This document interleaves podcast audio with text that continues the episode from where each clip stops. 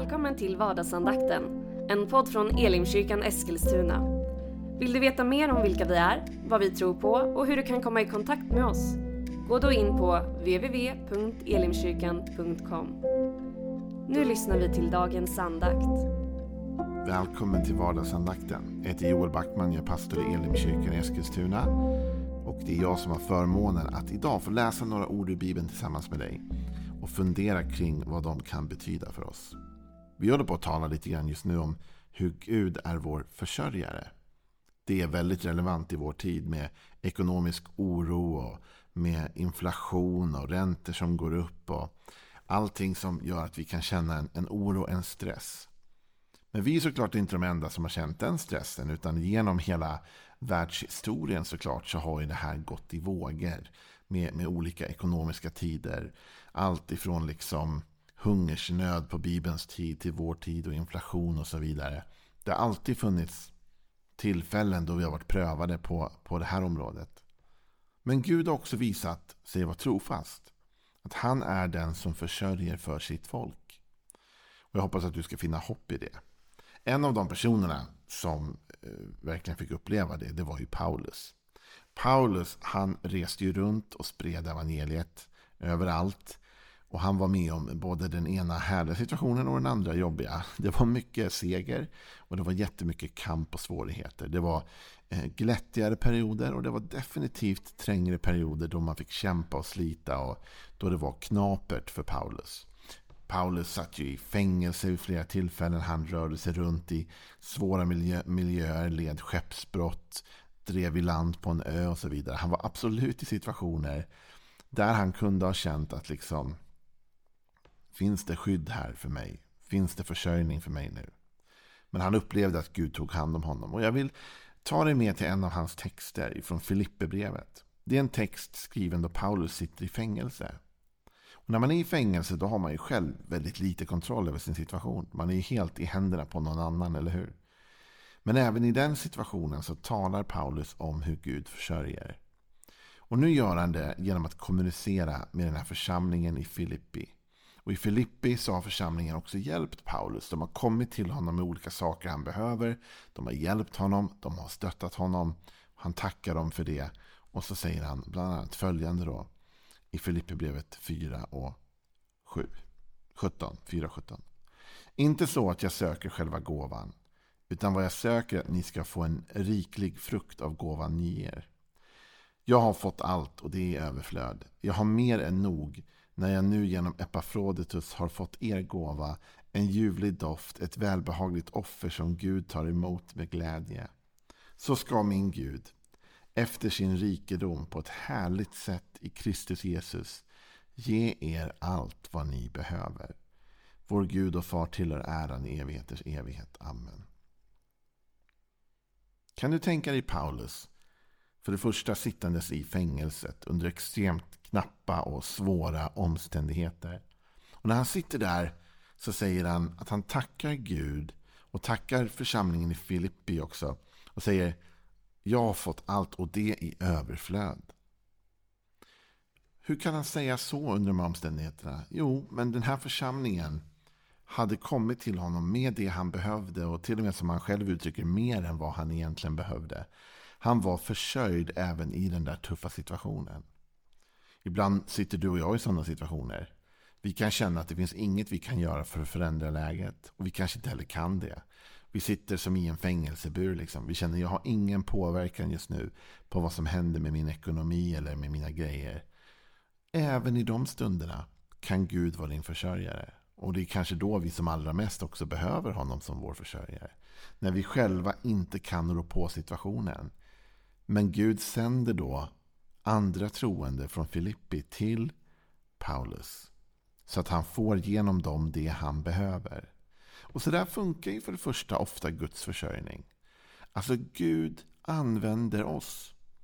Gud vill använda mig idag kanske för att hjälpa någon annan. Gud vill använda någon annan för att hjälpa mig. Gud använder ju oss människor. Vi är ju Kristi kropp på jorden. Så när de troende i Filippi kommer till Paulus så kommer de ju som Kristi kropp, som Kristus på ett sätt till Paulus. Med den här gåvan. Så ibland brukar jag tänka så om man skulle få en gåva av någon eller någon hjälper en med något.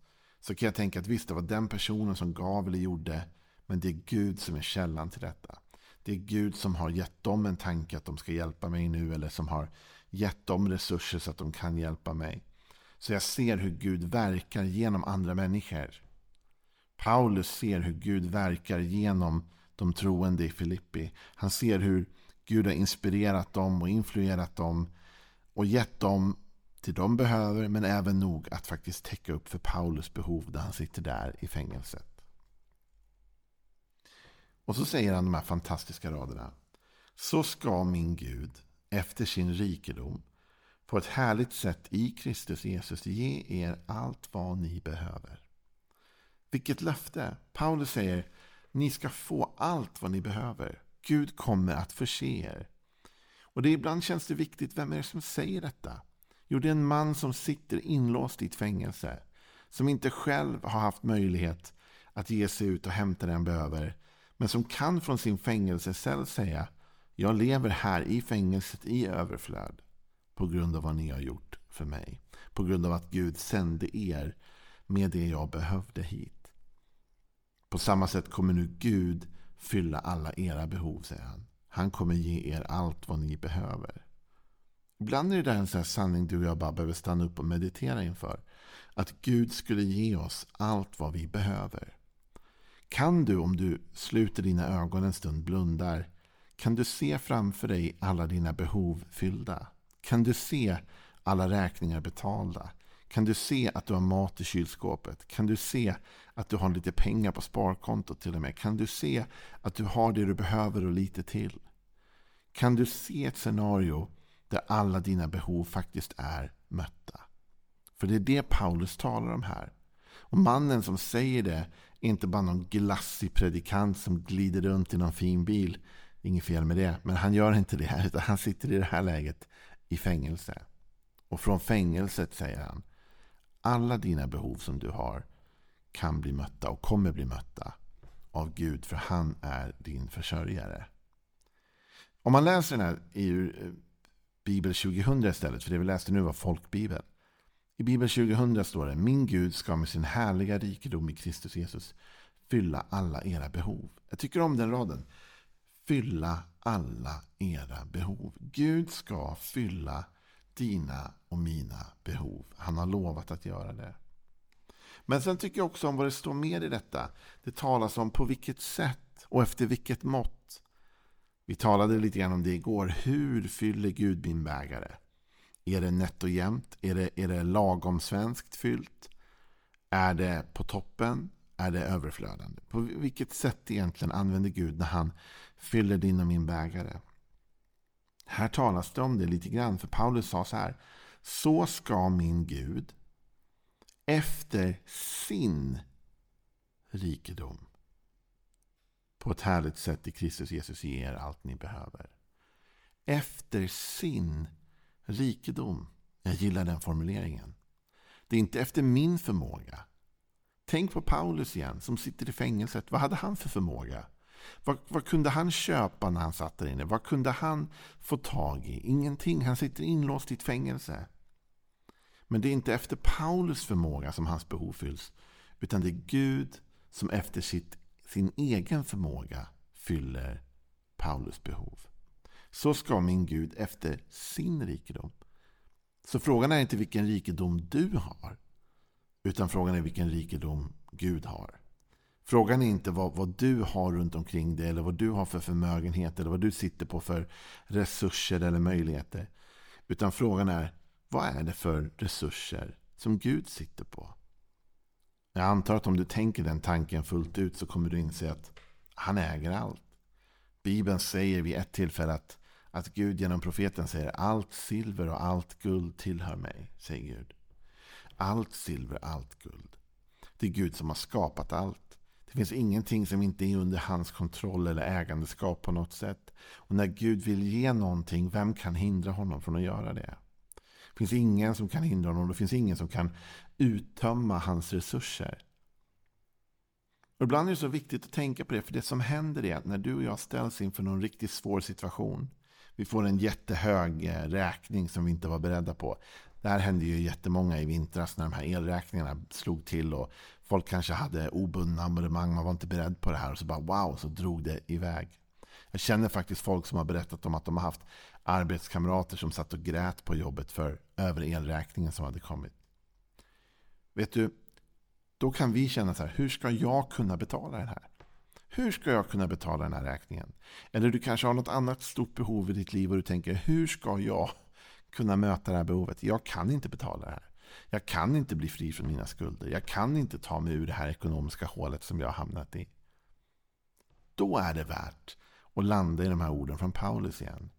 För det är inte efter dina förutsättningar eller dina ramar som den här välsignelsen kommer.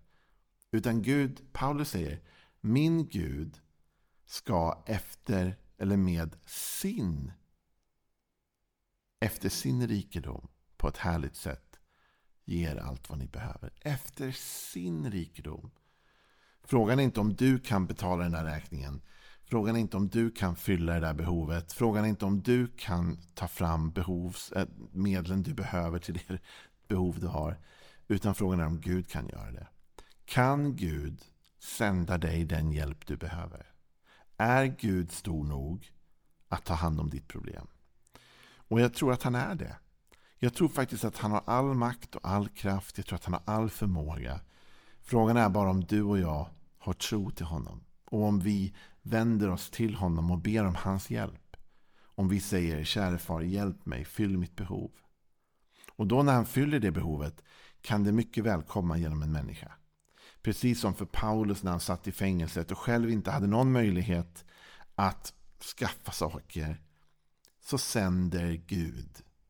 Och jag använder det uttrycket. Så sänder Gud de troende i Filippi till Paulus. Och de kommer dit och de har med sig det han behöver. Och överflöd upprättas i Paulus liv. Han har helt plötsligt mer än vad han egentligen behöver. Så är det för dig och mig med. När vi ser de här enorma behoven i våra liv så får vi tänka Gud, det är inte efter min förmåga utan efter din. Och när vi ber till honom om hjälp så kommer han sända människor till oss som hjälper oss med det vi behöver. Som kan hjälpa oss att betala den där räkningen eller han ger oss en möjlighet eller han öppnar en väg på något sätt. Allt detta sker i Kristus Jesus. Han som är vår Herre och han som är garanten för allt. Så ska min Gud efter sin rikedom på ett härligt sätt i vad Kristus Jesus ger er vad ni behöver. Så det här är när vi är i Kristus. Det här är för den som har gett sitt liv till Jesus. Den som säger Jesus, du är min herde. Och då kommer det här herdeperspektivet in igen. När jag följer Jesus, då leder han mig till gröna ängar. Då leder han mig till det dukade bordet. Då ställer han fram den där bägaren som flödar över. Då ser han till att mina behov fylls. Och det betyder inte att det inte blir kärvt ibland. Och det betyder inte att man inte behöver äta lite eh, knäckebröd ibland eller billigare mat ibland. Men Gud har lovat att ge dig det du behöver. Att du inte ska stå utan. Utan att han kan fylla dina behov. Utifrån sig själv. Inte utifrån dina omständigheter. Så sluta titta på vad du har eller inte har. Jag menar inte att du ska vara slarvig och jag menar inte att du inte ska ha ett visst mått av förvaltarskap. För det ska du ha. Du måste ändå liksom försöka hålla en budget och tänka rimligt och så vidare. Men det finns stunder då allt vårt goda planerande och all vår budgeterande och allt detta ändå kanske inte räcker till. Någonting händer och helt plötsligt så står vi där på bar backe. Då ska vi inte bara stirra oss blinda på hur tomt det är runt omkring oss. Utan då ska vi lyfta blicken till Gud och säga Gud, du som äger allt. Du som har allt. Du som kan allt. Fyll mina behov idag. Lev efter detta Ta den tanken med dig. Kan du blunda och se alla dina behov mötta? För Paulus säger Så ska min Gud efter sin rikedom på ett härligt sätt i Kristus Jesus ge er allt vad ni behöver. Ha en välsignad dag. Imorgon är vardagsandakten tillbaka igen. Hej då. Du har nu lyssnat till vardagsandakten från Elimkyrkan Eskilstuna. Du har väl inte missat att vi finns på sociala medier? Eller att vi varje söndag firar gudstjänst? Hoppas att vi ses där.